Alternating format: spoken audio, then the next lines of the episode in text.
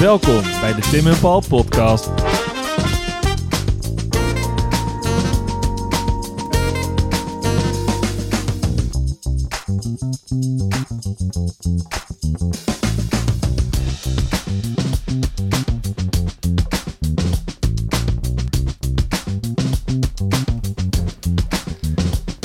Hey. Ben je hem al zat, Paul? Ja, maar we moeten door. Hè? We, We hebben een moeten belofte door. gemaakt. Ja. We hebben een belofte maakt, eh maakt schuld. Als in tegenstelling tot onze kabinet gaan wij wel door tot, tot de eindstreep. Wat niet veel mensen weten, is dat Paul misschien wel de grootste kenner is op het gebied van hip-hop die ik ken. Dat zegt ook Ehm, niet heel veel. Maar eh, Paul, jij luistert Ja. dus graag naar hip-hop. Ja. En weet jij welke machine eh hip-hop het geluid heeft gegeven? Dat weet ik. Dat weet ik zeker. Moet, moet ik hem noemen? Of, eh Gooi het. gooi, dat is de, de Roland TR-808. Zeker. Ik Ja. ga het hebben over de 808. Ja. Jij weet dat ik vroeger veel gedrumd heb. Ja. Ehm, dus ik ga zeggen dat het drumstel het instrument is voor popmuziek. Ja. Zeg maar, zonder drums kan je dat niet doen. Dat heb je nodig. Ja. Ehm, je hebt andere dingen ook wel nodig, maar het begint toch wel met een, een beat en een ritme. Zijn er belangrijke bands zonder drummers? Dat vind ik echt een hele terechte vraag, Paul. Ja. Nee, niet. Nee, hè? Nee. Nee. Kijk, je kan altijd wel zonder basgitaar of zonder elektrische gitaar of zonder zang. Nee, elektrische gitaren zijn ook wel belangrijk hoor. Nee, ehm, drums is wel altijd gewoon gedoe. Ja. Het is veel spullen. Het is, je moet er toch een beetje op oefenen. Een het klerenherrie Een klerenherrie. Het is lastig opnemen. Ehm, maar het is wel gewoon chill. En ehm, in de jaren 50, 60 krijg je toch een soort van ding... dat mensen thuis heel veel meer muziek gaan maken... op zo'n Hammond-orgeltje, een beetje aan het knoeien zijn en zo. En hoe chill is het dan als er gewoon even een ritme onder zit? Ja. Stel je voor dat, dat gewoon ons mams op zondagmiddag even lekker aan het spelen is op het, op het Hammond-orgel. Zoals die ene vrouw, toch? Ja, orgeljoken. Orgeljoken, maar Ja. er moet drum bij. Ja.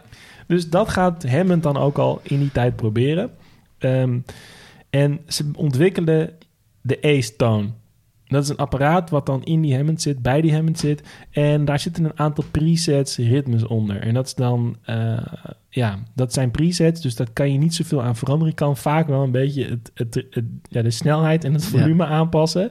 Maar hoe dat ritme in elkaar zit en waar de eerste bassdrum zit, waar de snare drum zit en waar de hi-hat, dat kan je niet kan je niks mee. veranderen. Nee. Maar die ace-toon, dat wordt wel best wel populair. Omdat mensen, wat ik zeg, die kunnen dan vrij gemakkelijk, democratisch... zelf gewoon een beetje gaan chillen... en echt meer muziek gaan maken dan dat ze eerst konden. Ehm, en de jongens van Roland denken dan... dat willen wij ook hebben. Ja. En we willen het verder gaan brengen. Dus zij gaan samenwerken met die lui van Hammond en het ace-tone apparaat... en gaan proberen hun techniek verder te evalueren in iets... wat jij, wat jij als gebruiker kan gaan aanpassen... en kan gaan instellen Ja, en ja. tweaken. Ehm, en uiteindelijk, en een hoop geknutsel later, wordt dat dan de Roland TR-808.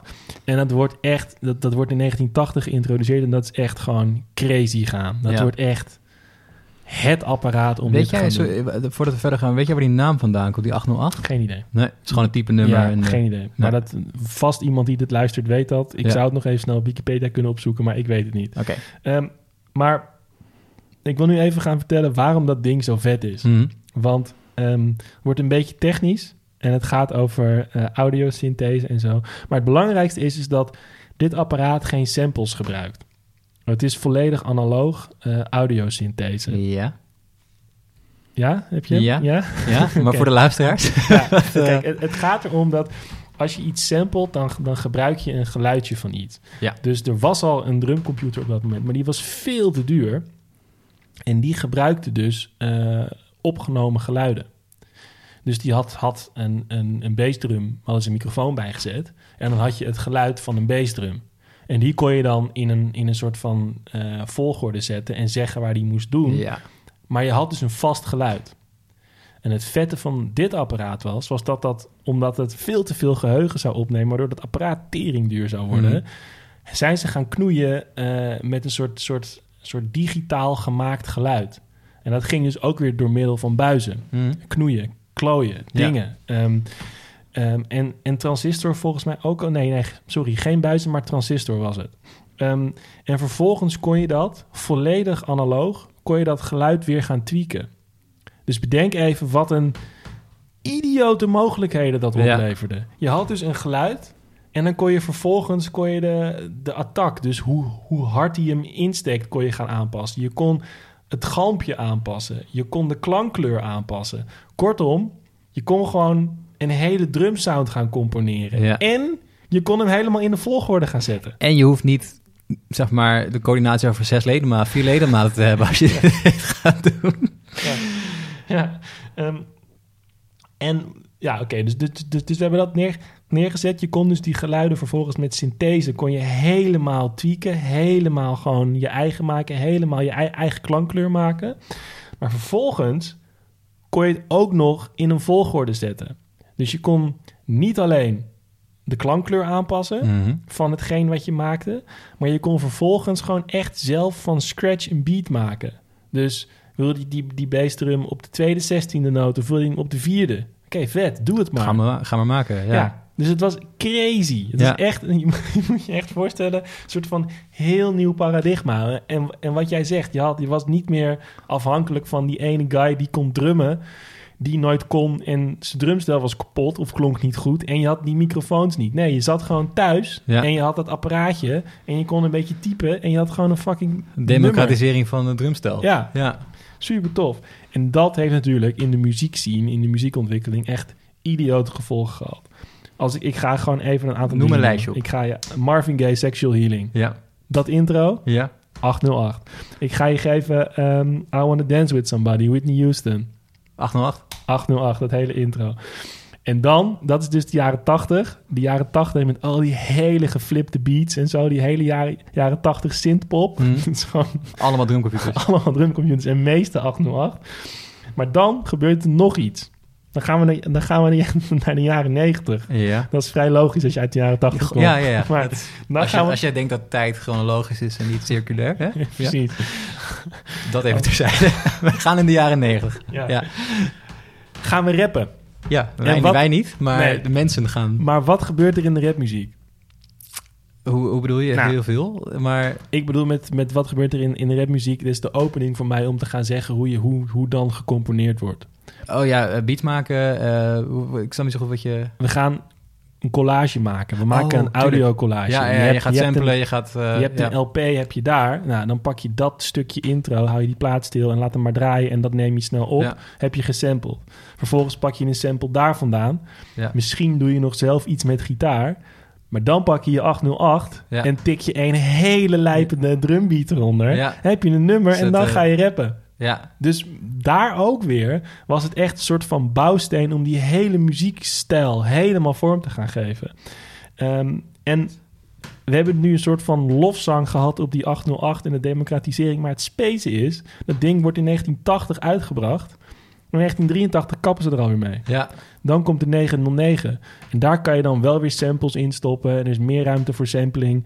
Nog wel die audiosynthese. Maar nog steeds is zeg maar die 808... is echt zeg maar de heilige graal voor ja. iedereen die iets met dit soort muziekproductie doet. Zeg maar nu, nu nog steeds als je bijvoorbeeld in zo'n zo'n audioprogramma een beat maakt... heb je gewoon altijd de preset 808. 808. Ja. 808 kick. Het is, ja, heel het, het is echt ja. alles bepalend geweest. Ja, Kanye West heeft, eh, zijn, dat was zijn vierde album. En dat was zeg maar het eerste album waar hij een beetje raar ging, eh, Ja. ging doen. Eh, of tenminste anders dan zijn eerste, e- eerste, eerste albums. En dat heette 808 and Heartbreak. Dus daar, ja, dat is zeg maar ook allemaal met een 808 Ja. Ja, en gedaan. het is En, nu- Ja, het is nu natuurlijk ook...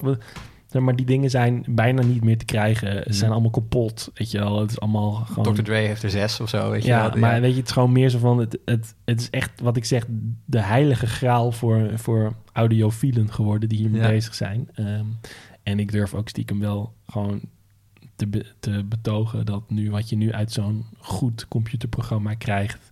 wel net zo vet is. Durf je dat hier zomaar te zeggen? Dat durf ik wel te zeggen. Maar de echte cracks zweren er natuurlijk nog bij dat je dan achter je mengpaneel met 400 schuifjes Mhm. dan een analoge soort van rig hebt waar je dan de 808 nog in prikt en dan zo toch weer in je mengpaneel dan de analoge 808 in je digitale audio eh, bestand krijgt. Ja. Het is ook wel veel vet. Het ziet er ook heel vet uit. Als je Dr. Dre achter zo'n paneel ziet, dat gigantisch groot is en zo. Dat je denkt, ja, het is schuifjes, oké. dingetjes. Wat maakt het uit, weet je wel? Moduleren, eh, wegmoduleren naar D. Zoals, Ja, precies. eh, zoals je altijd zo mooi zegt. Ehm, ja, vet. Ja, dus dank, de dankzij, 808. dankzij de 808 hebben wij gewoon eh, heel veel fijne, goede... Ja, want wat jij zei, nog steeds wordt het gewoon, zijn die 808 sounds, worden die nog heel veel Ja. gebruikt. Ik zat toevallig op de fiets hier naartoe, eh, was ik eh, een album van NERD aan het luisteren, Ja. waar het prachtige nummer Lapdance Ja. op staat. En deze versie is ingespeeld wel met een, eh, met een drummer. Ze hebben ook de hele, hele album hebben ze ook. Ze hebben eentje met echt een drummer opgenomen. Ja. En één met een drumcomputer opgenomen. Ja. Dat klinkt toch net even wat anders natuurlijk. Maar het is zo van, ah ja, dit is, Het is wel het is wel heel erg vet om het eh, te hebben. Ja. Cool. Ja, Ja, de 808. 808.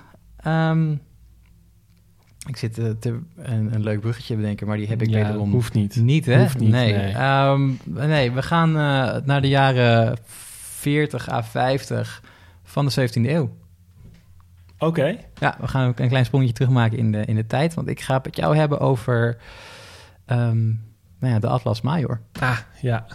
Ja, eh, vet. ja, ehm, niet zozeer een uitvinding, maar meer een soort van samenkomst van allerlei dingen en Ja. een prachtig eindproduct. En er zijn wat, wat, wat vage dingen over die Atlas Major, want het is niet per se één atlas en het bestaat ook onder verschillende onderdelen en ze heten eigenlijk ook nooit Atlas Major en zo, dus daar ga ik het allemaal zo over hebben.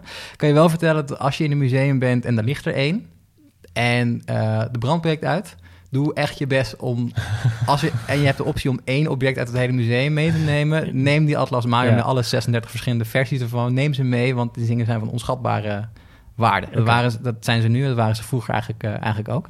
Eh, en wat is die Atlas Major nou? Heel kort gezegd, ehm, het is gemaakt door Willem en Johan Blauw. Ja. En Willem, Willem is vader, Johan is, eh, is de zoon. En helaas overlijdt Willem Blauw al eigenlijk voordat die, eh, die Atlas Major af kan zijn. Maar het was wel on- ongeveer zijn, eh, zijn idee. En Willem en Johan Blauw zijn zo'n beetje de cartografen van Amsterdam. Zo'n beetje de cartografen van Noord-Europa op dat moment. En die Atlas Major is eigenlijk een verzameling van alle kaarten die er op dat moment zijn van de wereld samengevoegd. Dus eh, er wordt wel eens gezegd van Diderot, die komt natuurlijk eh, ongeveer 100 jaar later met zijn idee van de encyclopedie. En het is natuurlijk net even wat anders, iets, iets groter, grootschaliger project. Maar dit is al een poging om de hele wereld te vatten in een aantal kaarten. Platen, Platen, tekenen, ja, afbeeldingen. En het, het, het, het grappige is ook wel, we zeggen ook van die, de Atlas Major van Johan Blauw, maar Johan Blauw was zelf geen cartograaf, die was drukker. dus die heeft zelf nooit een kaart getekend. Zijn vader Willem wel. Ja. Er zitten ook een aantal kaarten van Willem in die, in die atlas. Maar eh, Johan zelf, ja, dat was niet zijn business. Zijn business was boeken drukken en verkopen. En daar was hij ook behoorlijk, eh, behoorlijk goed in. Ja. Ehm, klein stapje terug naar eh, eigenlijk de grote cartograaf voor Willem Blauw. En dat is ehm, Gerard Mercator. ja, En waarom is van Mercator? een Mercator-projectie. Van de Mercator-projectie. eh, we hebben het er volgens mij al eerder over gehad. eh, of in ieder geval vaker ge- gedropt. Gerard Mercator ehm, bedenkt ook naast de Mercator-projectie... maar ook de naam Atlas. Atlas is een eh, figuur uit de, de Griekse... Ja, met uit die- de, de wereldbol op Ja, zijn wereldbol op zijn wereldbol nek, op zijn nek. En ehm, Mercator dacht, goh, dat is leuk als ik mijn... Want daarvoor heet het vaak wereldtoneel. Of Ja. eh, weet je wel, zoiets. Eh, maar weet je wat, fuck it, ik noem het gewoon Atlas, want die guy heeft toch de wereld op zijn rug. Kan ik net zo goed dit zo noemen, weet je Oh, wel. Dus dat is ja. wel, eh, en dat is blijven hangen, want we hebben nog steeds de grote bosatlas en dat, soort, eh, dat soort dingen. En eh, van Mercator gaan we dus, eh, dus naar de Republiek. En die Willem Blauw is naast cartograaf, cartograaf ook wiskundige. Dus hij gaat ook ehm, heel veel moderne technieken eigenlijk toepassen op het maken van die, eh, van die kaarten. Maar hij staat ook, net zoals heel veel wetenschappers op het moment, met, ook met andere wetenschappers in contact. Hij is in de leer bij een Deense astronoom, Tycho Brahe. Ja, Ehm, ja, ik weet nooit hoe ik die naam moet uitspreken, maar een bekende, bekende Deense astronoom op dat moment, wiskundige ook. En die staat ook weer in contact met Copernicus. ja. En dat is natuurlijk een hele belangrijke, want die is eigenlijk, die zegt van jongens, wij draaien eh, om de zon heen in plaats van De zon om... Ja. zon, om, zon om ons heen. Dus eh, hij komt met dat heliocentrische model. En wij nemen dat nu allemaal aan voor waard, maar eigenlijk wordt het voor het eerst gedrukt in die kaarten van Johan en Willem Blauw. Daar wordt eigenlijk een statement gemaakt van ja, wij, wij hangen deze lijn aan en wij stappen af van het idee van wat de katholieke kerk ons voort, uh, voortschrijft. Maar dat is natuurlijk in de republiek ja, precies. volstrekt logisch. Volstrekt logisch dat je dat doet. Fok want, de want, uh, dat andere model, dat is precies, dat, is, dat zijn de katholieken, dat zijn de papen, die zijn eng en die Ja. hebben naarden uh, van de kaart geveegd, weet je wel. Dan moet je, maar goed, het, het is wel een, een, een statement. Wat nog meer, en dat vergeten mensen ook wel eens, wat Copernicus doet, is niet zozeer een aanval op de katholieke kerk, want die schrijft ook in zijn voorwoord van zijn, zijn boek, schrijft hij ook van, nou, dit draag ik op aan de paus. Ja. Uh, of een van de paus op dat moment. Uh, maar het is vooral een aanval op het wereldbeeld van Aristoteles, waarin alles Ja. stilstaat. Ja. En dus die doet niet meer mee. Dus de renaissance is eigenlijk voorbij. Ja. Dus het, het, kijken naar de oude ideeën uh, en zeggen dat dat perfect is, dat werkt niet meer, want we zijn verder dan dat gekomen. Dus het is, dat is een mooi moment in de wetenschap. Willem neemt het dus natuurlijk via via neemt het over. Uh, neemt het, zijn zoon Johan neemt het natuurlijk ook over.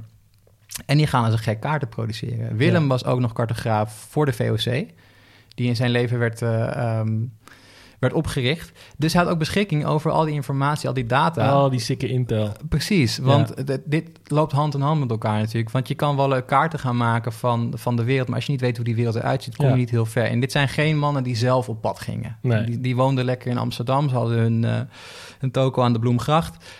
En daar ja, daar kwamen ze eigenlijk niet uit. En ja. je hebt dus informatie nodig van, van buitenaf. En er is een VOC, er is een WIC, er is een Noordse Compagnie. En die brengen al die informatie brengen die terug naar, uh, naar Amsterdam, naar, naar Willem Blauw bijvoorbeeld.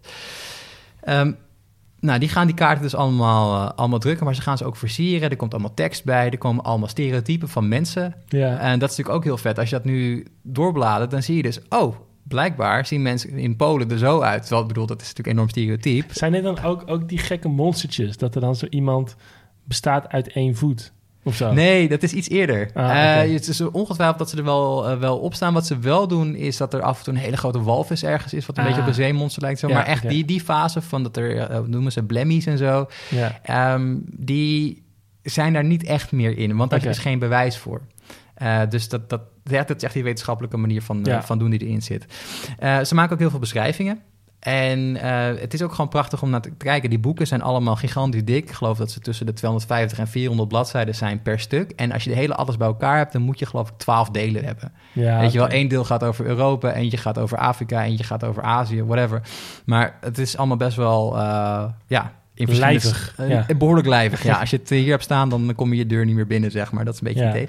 Er zijn nog heel weinig uh, complete versies over. Die zijn natuurlijk over de hele jaren zijn die, zijn die verspreid. Ja. Universiteit van Amsterdam, Bijzondere Collecties, heeft er één. Ja. Het Scheepvaartmuseum heeft er ook één, maar die is... Dat noemen ze dan de Atlas van Loon. Ja. Want het is dan vernoemd naar degene die hem gekocht heeft. Ja. En niet uh, omdat daar ook verschillende andere atlassen in zitten. Het ding is toch ook met die... Um, met dit soort boeken in de vroegmoderne tijd... Uh, die kocht je niet als boeken. Die kocht je als bundel bladzijdes. Bundel bladzijdes. Ja. Dus daar kon je ook dan een, een, andere kaart bij laten binden... als je dat vervolgens naar de boekbinder brengt, toch? Ja, ja precies. Dus, je, krijgt het gewoon, je krijgt het gewoon mee in principe. Je koopt die plaat. Ja, maar dus om even aan te geven... toch dat er in die... Uh, wat jij nu omschrijft... zo van deze set is daar... Er, er is een set in Leiden, er is een set in Amsterdam...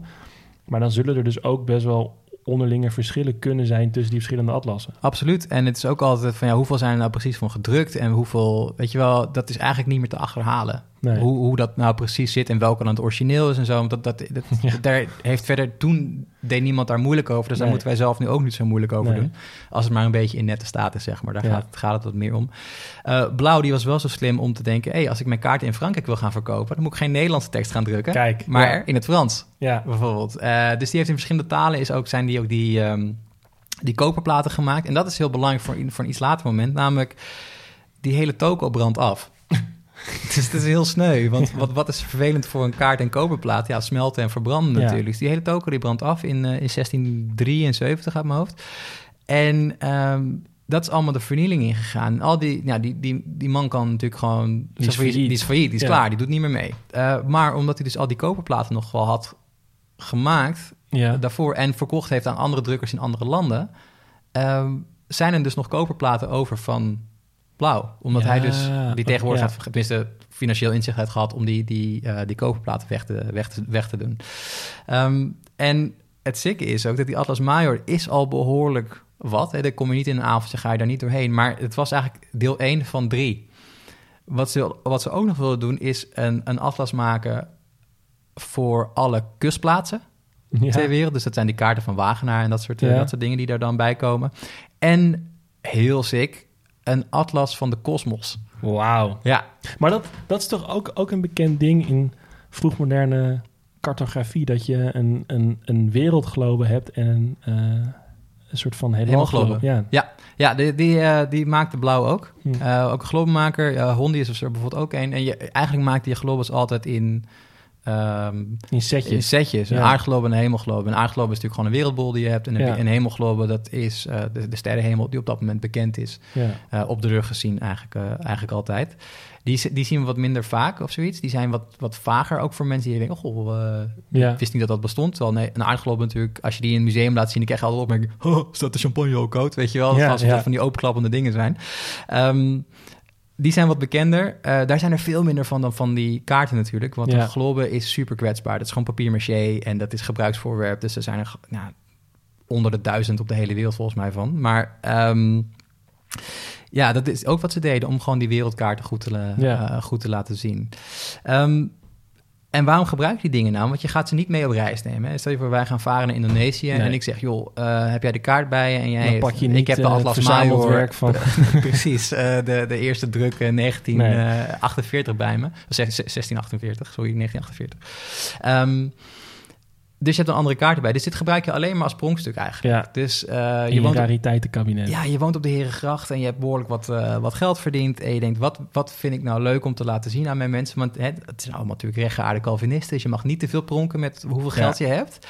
Ehm, maar ja, er komt iemand over de vloer en je hebt eh, lekker gegeten. Je zegt, nou, zullen we nog even een, een sigaartje roken in de herensalon? En vind je ergens mijn atlas er even bij. En op het moment dat jij dan die atlas major uit, die koffers gaat tillen... dan weet iedereen natuurlijk hoe laat het Dit is. is een grote speler. Want- ja. Zeg maar, legit, eh, de atlas major is het duurste boek in de 17e eeuw wat gedrukt is. ja. Dus als je dat hebt, ja, dan weten mensen wel meteen... inderdaad, dit is een grote speler, hier moet ik te vriend mee, eh, Ja. mee zijn. De wereldkaarten die erin staan, die zijn ook op andere manieren gebruikt. Blauw heeft een gigantische wandkaart gemaakt. ja. En als je wel eens bij het Koninklijk Paleis bent geweest... Die, Die eh, vloer. die vloer, Ja. dat is een eh, model van blauw. Ah, Dus eh, dat ongeveer dezelfde tijd ook allemaal natuurlijk gebouwd en gemaakt. Maar dat, dan, dan loop je dus over de wereld van blauw, die dan bekend is. die dan prominent is, absoluut. Ja, Ja. ja. Johan Blauw is zeker, zeker prominent. En als je zo'n ding in huis hebt, dan laat je dus ook zien... oké, ik heb poen om dit uit te geven, maar ook... ik wil laten zien aan mensen dat ik in contact ben met vooraanstaande andere Amsterdammers... maar ook van ik heb interesse in de wetenschap. Ja, Dus het is niet alleen maar dom geld uitgeven aan dingen. Het is ook echt wel laten zien van... hé, hey, dit is vet. vet. Terwijl de informatie erin staat... is ofwel heel erg gedateerd... of eh, enorm stereotyperend natuurlijk. Dus het slaat eigenlijk helemaal nergens op als je nu naar kijkt. Het, ligt, het lijkt heel erg goed, maar... vergeleken met zeg maar GPS... Ja, ligt het mijlen ver, eh, ver naast.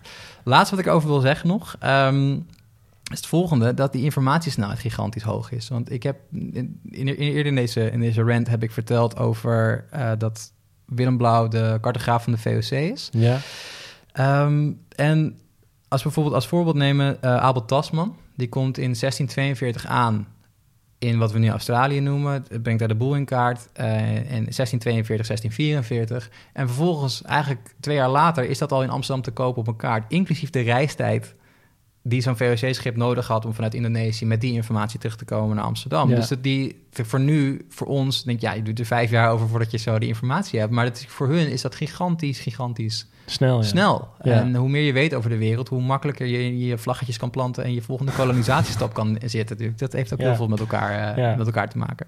Maar goed, ehm, Johan Blauw, als je nog nooit die kaart hebt gezien, of zijn atlas hebt gezien, ga dat vooral doen. Maar ook. ehm, Er is een website van, toch? Ja, het is gedigitaliseerd allemaal. Ja. Ja. En ehm, je hebt nog nooit de Atlas Major gezien, maar misschien heb je wel eens een keer een schilderij van Vermeer gezien, de, de ehm, cartograaf. Ja. Niet heel gek. Daarachter hangt ook een kaart die, uit, eh, die van Willem Blauw is. Eh, dus op de achtergrond zie je de kaart van West-Friesland van, eh, van Willem Blauw, die ook terug te vinden is in de Atlas Major. Dus het, het is allemaal met elkaar in, eh, Ja. in connectie. Dus ja, nogmaals, mocht de brand uitbreken, ren naar die Atlas toe en neem hem mee om die oksels. Want ja, er zijn er nog maar heel weinig van op de hele wereld.